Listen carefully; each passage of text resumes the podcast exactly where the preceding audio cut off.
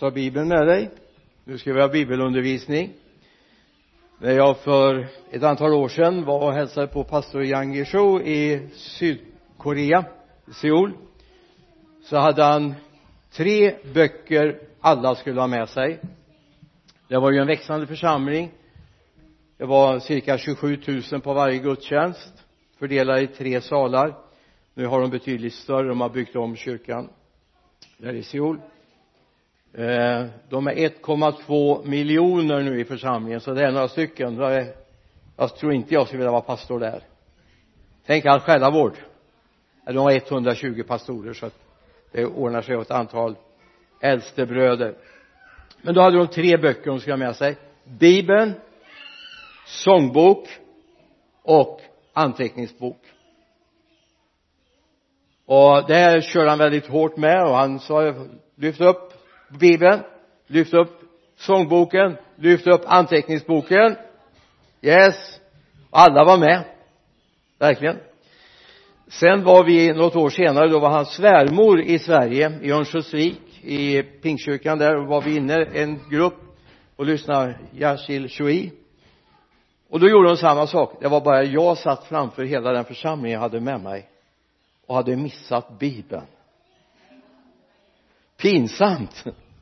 Och då hade man inte mobiler som man hade, kunde slå upp bibeln i heller. Ehm, det är bra med, med paddor och eh, så här, jag lever ju med det. Men jag vill så så. Den tryckta ordet är oöverträffat. Ehm, den pastor som döpte Meria för ett antal år sedan uppe i Södermalmskyrkan han höll här förra året en predikoserie om det tryckta ordets värde.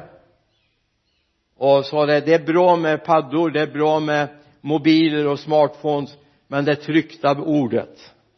Och det är väldigt bra för du kan göra en understrykning. Men händer det någonting med din padda? Det går faktiskt att stryka under men gör man en uppdatering så försvinner ju det. Och det är ju väldigt pinsamt så det är bra med bibeln. För du kommer inte få alla bibelord här på skärmen. Hoppas du ser skärmen. Jag lever personligen väldigt mycket i Jesu undervisning.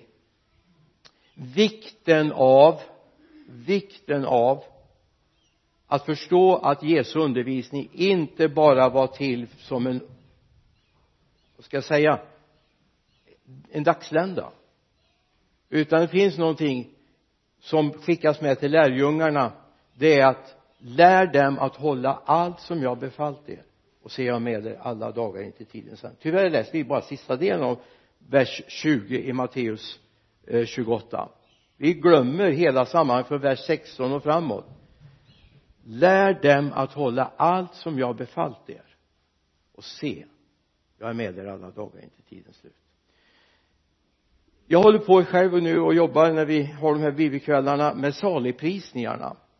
Bergspredikan hemma i Vänersborg har jag nog kört 12 13 avsnitt just nu i bergspredikan. Om hur vi ska be, hur vi ska umgås, hur vi ska lära oss saker. Och så var det någon som sa till mig vid ett tillfälle, någon som inte alls är frälst och sa ja, bergspredikan räcker så jag behöver inte mer än bergspredikan och jag tänkte det. Är väldigt bra. Läs bergspredikan och ta reda på vad det står där. För då börjar du gräva i resten av Guds ord också. För det är liksom en nyckel, en öppnare till resten av Guds ord. I eh, början av eh, Matteus 5 vi vet att bergspredikan är Matteus 5, 6 och 7 och ska vi se lite grann i sammanhanget vi, jag ska bara ge dig några bibelställen som du kan gå hem och läsa sen så är det faktiskt redan i fjärde kapitlet som vi har introduktionen till bergspredikan och avslutningen. Den har du i kapitel 8 den första delen. Och det är viktigt vi läser det här och ser i vilket sammanhang är det insatt. Men han börjar så här i Matteus 5 när Jesus såg skadorna gick han upp på ett berg. Han satte sig ner och hans lärjungar kom fram till honom då började han tala och undervisa dem. Amen. Där börjar det. Det står i slutet på fjärde kapitlet. Vi kommer till det om en liten stund. Här är hela det här sammanhanget som jag refererade till. Matteus 28, 18 eh, till och med vers 20 som talar om att Jesus var angelägen. Nu skulle han lämna dem. Nu var han angelägen att det skulle landa i deras hjärtan och redan i Johannes 16 vers 13 så står det att jag vet inte om du hinner slå upp det men där står det att när den heliga ande kommer ska han föra in i hela och fulla sanningen. Ty av mitt ska han ta och tala till er. Han ska föra in i hela sanningen. Så att först behöver vi undervisningen sen behöver vi den heliga ande för att hela tiden leva i en fräschör jag är så tacksam att Gud fyllde mig med den heliga ande och det har han inte gjort en gång, han har gjort det många gånger. Det är liksom kort tid på det. Man behöver hela tiden leva i ett flöde av den heliga ande. Annars blir det som döda havet vet du. Problemet med döda havet det är inte tillflödet utan avflödet. Därför blir det salt. Så vi behöver leva i det här hela tiden och förstå vad Gud verkligen vill i Matteus 9 i det här sammanhanget så talar han om att Jesus har sett problemen. Och så säger han be skördens herre att han sänder ut arbetare sin skörd. Jag får säga det behöver vi be om här verkligen. Skörden är stor. Missa inte att berätta att du har upptäckt det du har fått tag i hemligheten, eller hur? När jag var i Korea så säger pastor Yang på förmiddagsgudstjänsten det var sju förmiddagsgudstjänster eh, nej sju gudstjänster på söndag. Det kunde inte vara förmiddagsgudstjänst ändå. 7.00 börjar första gudstjänsten. Och sen fortsätter den hela dagen och så vända fram till kvällen. Det var ju så att söndagen var ju inte en helgdag i Korea på den tiden. Det är det nu. Utan eh, det var en vanlig vardag. Och det var inte lätt att komma till gudstjänst. Man fick ta på lunchen eller man fick ta det innan man började eller efter man hade slutat arbetsdagen och då säger han så här älskade vänner jag älskar att ni vinner människor för Jesus men kan vi bromsa lite några veckor? För vi hinner inte mer än 1500 i veckan att ta hand om. Det bekymret har vi inte i Sverige. Det är inte så många församlingar som vinner 1500 i veckan. Tyvärr. Och då säger jag ja men alla är ju evangeliserade i det här landet. Nej det är de inte det är alltså 20 procent av svenska befolkningen som säger att de har en relation till Jesus. Men det är bara 4 procent som går regelbundet till kyrkan. Det är 4 procent som är med och upp, eller bär församlingen som är hans kropp. Så nog behöver vi vinna människor. I Lidköping, Vänersborg, Sävsjö. De behöver vinnas för Jesus så det är viktigt att vi ser vikten av att vinna människor. Jag tar det här väldigt snabbt nu. Det finns en kontext till bergspredikan. Jag berättar jag ska bara ge bibelorden Matteus 4 23 till och med 5 och 2 jag kommer inte läsa de här bibelorden vi kommer att titta lite grann på en del av saligprisningen sen. Det här är liksom starten på varför bergspredikan behövdes sen vet jag inte om du lade märke till när jag läste det här. Jesus satte sig ner och undervisade. Den synagogsgudstjänsten där stod inte rabbinen och undervisade. Han satt. Han stod när han läste texten men han satt när han undervisade. Och där har vi fått det här uttrycket predikstol. Det här är inte en predikstol. Det är en pulpet. En predikstol det var en stol man satt på när man undervisade. Jesus sitter oftast när han undervisar han satt i båten när han talade till folket på sluttningen. Han satt här på berget när han talade det vi kallar för bergspredikan. Så är det också när vi ser slättpredikan. Han sitter och undervisar. Så det här kanske är bättre kommunikativt men man kanske har större förmåga att lyssna på den tiden. Men det är bra att veta att en, det här är inte en predikstol det här är en pulpet predikstolar har vi inte så många det har du i synagogorna här är avslutningen av bergspredikan där liksom han samlar ihop allt sammans jag bara ger lite hintar om ni ser, nej ni ser inte det där på skärmen. Jesus ville fördjupa lärjungarna i hur de skulle leva och hur de skulle undervisa och förmedla det som låg på Jesu hjärta de skulle inte bara lära sig utan extra, de skulle leva i det. Och jag säga det är lite grann av den uppmaningen vi har i, i församlingen idag. Ni har väl hört den här lilla storyn? Eh, mannen hade inte kunnat gå på gudstjänsten på söndagen på grund av att han var sjuk. Så när frun kommer hem och barnen kommer hem så är han så nyfiken. Vad hände i gudstjänsten? Och de gick igenom sången, musiken och vilka som fick förbön. Och så säger han och, och vad predikar han om? Ja det var så bra. Men vad predikar han om? Såg ut som ett frågetecken i ansiktet. Hur är det? Du vet det är därför vi lägger ut det på internet så du kan lyssna i efterhand. Vi har till och med byggt om hemsidan så det ska bli ännu lättare att lyssna. För det är viktigt att veta.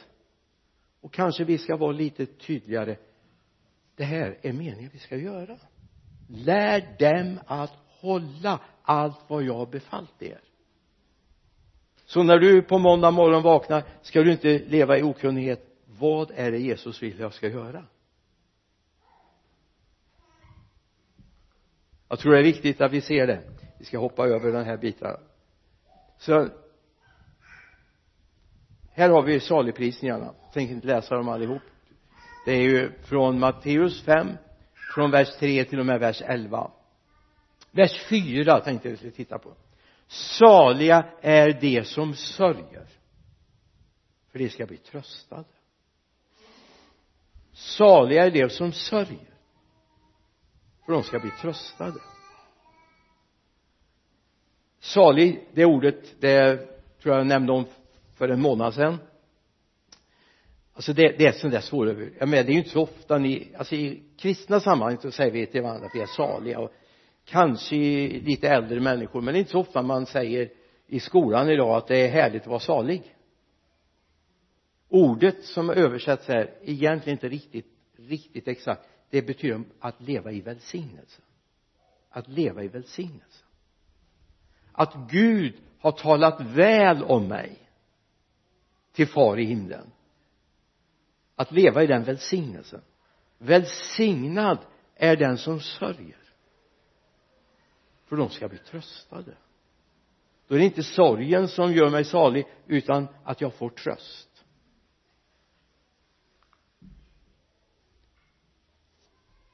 I eh, Matteus där ska se. Det gick så fort så jag har inte hunnit bläddra med här i Matteus 5 och 4 saliga är de som sörjer. Och det är viktigt att komma ihåg vad är det här för någon sorg? Ja det är inte inlagda gråterskor. Jag kan bara påminna om när Jesus sitter på berget och tittar ner ifrån Oljeberget på staden börjar han gråta. Han sörjer. O om ni ändå hade förstått vad er sökningstid var men ni har inte förstått det. Därför ska den här staden utplånas han gråter över staden. Alltså sorg är någonting som är djupt förankrat i mitt inre. Att sörja det är den här jag saknar någonting. Jag har mist någonting. Jag håller på att förlora någonting det kan vara en vänskap, det kan vara en relation det kan vara en nära anhörig eller någonting som jag verkligen känner smärta över. Det gör ont. Den sorgen det är den som har ett löfte om att få tröst. Det som sörjer det handlar om den djupa nöden. Jag har någonting som jag har förlorat nöden över någonting som är oerhört dyrbart för mig. Det där som vi säger hjärtat gråter. Det har gått sönder. Och då är det en del som säger men då kan jag inte vara salig. Nej det kan du inte. Ska du inte vara en gång? Men det finns en tröst. Jag vet inte om ni vet att i eh, apostlarna berättas om en man som hette tröstens son. Hette Barnabas. Tröstens son. Och varför fick han det namnet? Och därför Paulus lämnade gemenskapen i tre år uppe i Arabien. Vem var det som sökte upp honom? Och tröstens son. Tänk dig om Paulus verksamhet hade tagit slut där bara efter en kort tid alltså han var en tröstens son bara för Paulus men för alla som sedan skulle få komma under inflytande av hans undervisning va? det är alltså inte gråtorskorna, de där lejda som eh, gråter utan de som har en djup nöd. Då vill jag bara säga, skicka med här du som har en djup nöd det finns en tröst. Det finns en tröst när någonting i livet har gått sönder. När någonting har gjort fruktansvärt ont. Jag tror vi har gått igenom det alla. Och det är så gott att veta att det finns någon som är en Barnabas. En tröstens son. Jesus är det framför allt. Han vill trösta oss i allt. Vi ska ta några exempel. Första korinterbrevet det är nästan sådär så jag vill knappt läsa det men eh, vi ska väl göra det. Eller om du slår upp det. Jag tycker det är nästan på gränsen till inte barntillåtet att läsa det här va? Men det finns någonting som genomgående det är alltså första Korinthierbrevet 5 1 till och med 5 i vers 2 står ett ord som heter bedrövade det var så bedrövat så Paulus fast han inte var närvarande så hade han i sitt hjärta redan ut slängt, slängt ut dem ur gemenskapen. Varför då? Jo därför att de levde på ett sätt som bedrövade Guds ande. Vi ska komma ihåg att det finns Guds ande kan bli bedrövad. Den heliga ande kan bli bedrövad. Trots att läpparna ler hos oss så kan den heliga ande bli bedrövad. Här fanns en sexuell sätt att leva som inte var rätt. Men då är det här ordet bedrövad det är det ordet som används för sorg smärta. Det har gått sönder. Men om du fortsätter läsa och ser det finns ett hopp. Det finns en upprättelse. Och det är viktigt vi ser sorgen då erbjuder Gud en upprättelse. De som sörjer ska bli tröstade i Jakob det fjärde kapitlet. Närma er Gud ska han närma sig dig. Rena era händer ni syndare och rena era hjärtan ni splittrade. Så kommer klaga sörj och gråt. Vänd ert skratt i sorg och er glädje i bedrövelse. Ödmjuka er inför Herren. Så ska han upphöja, står det. Du kan också läsa trösta. Alltså om vi verkligen har nöd för det här landet vilket jag egentligen ärligt tror att det är ett fåtal som egentligen har. Vi kan bli bekymrade vi ser tv-nyheterna eller vi slår upp tidningen det är hemskt vad det här händer mycket. Och så slår vi ihop dem och så det var som någon berättade de satt och tittade på någon sån här insamlingsprogram på den tiden det var det här Biafra-katastrofen. Kommer ni ihåg det här med barnen som var så urmejlade så att knappt det blev skugga efter dem? Kommer ni ihåg det? Då satt man och hade sådana här sändningar och samlade in pengar. Då var det någon som berättade ja där sitter de och samlar in pengar och så samtidigt äter de tårta och fikar. I tv-sofforna. Alltså ibland är det så att vi har missat. Jag vet vad Gud har lagt på mitt hjärta för den här stan det är många tårar som har runnit för den här stan när vi går här på torsdagarna på tisdagen i den här stan och ser den smärta som finns i den här stan så känner man bara skulle vilja ropa ut men Guds folk var finns ni? Vad håller ni på med? Ser ni inte att människor är på väg att gå evigt förlorade? Och på vägen så lider de fruktansvärt.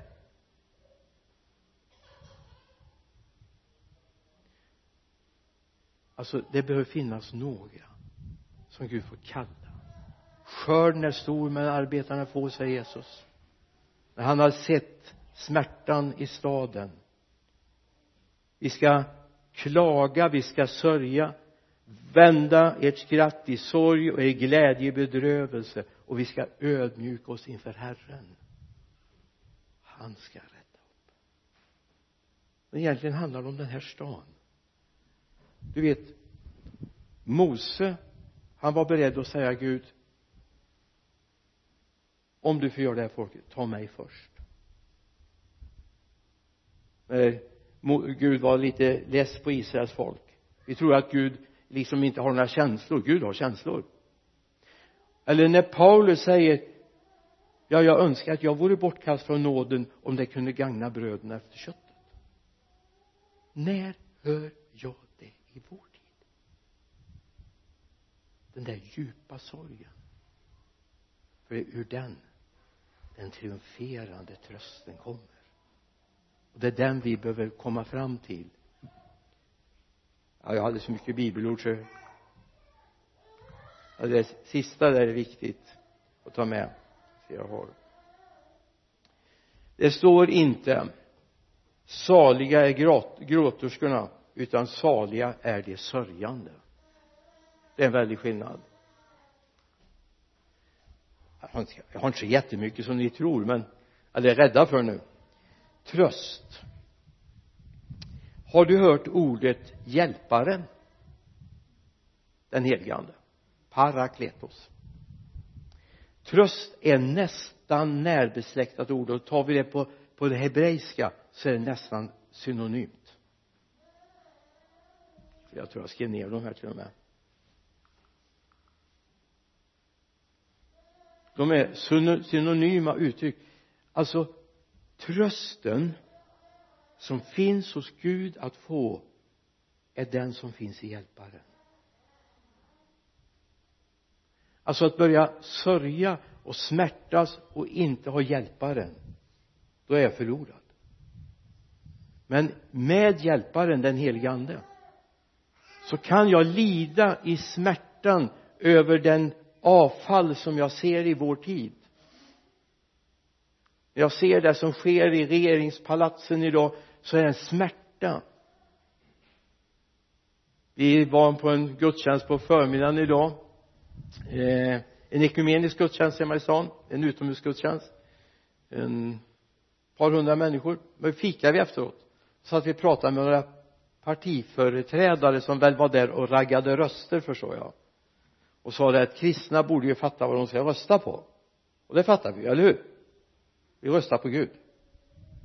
Alltid. Varje dag. Även när det inte är valår. Således dem. Och så tänkte jag så här. Ni borde se vad som händer. Det finns förslag idag att kristna skolor ska förbjudas. Eller religiösa skolor som det heter. Och jag bara tänker på ett antal kristna skolor som är till sån stor välsignelse för svaga elever framför allt sådana som har kommit i kläm. Som är till oerhörd välsignelse. Och oftast har i mätningar höga betyg. Men det är en idé som har kommit in här och som egentligen startade redan på 1920-talet när socialdemokraterna började få lite att säga till om så hade de på sin agenda att de kristna vi skulle bli ett avkristnat land. Det var planen.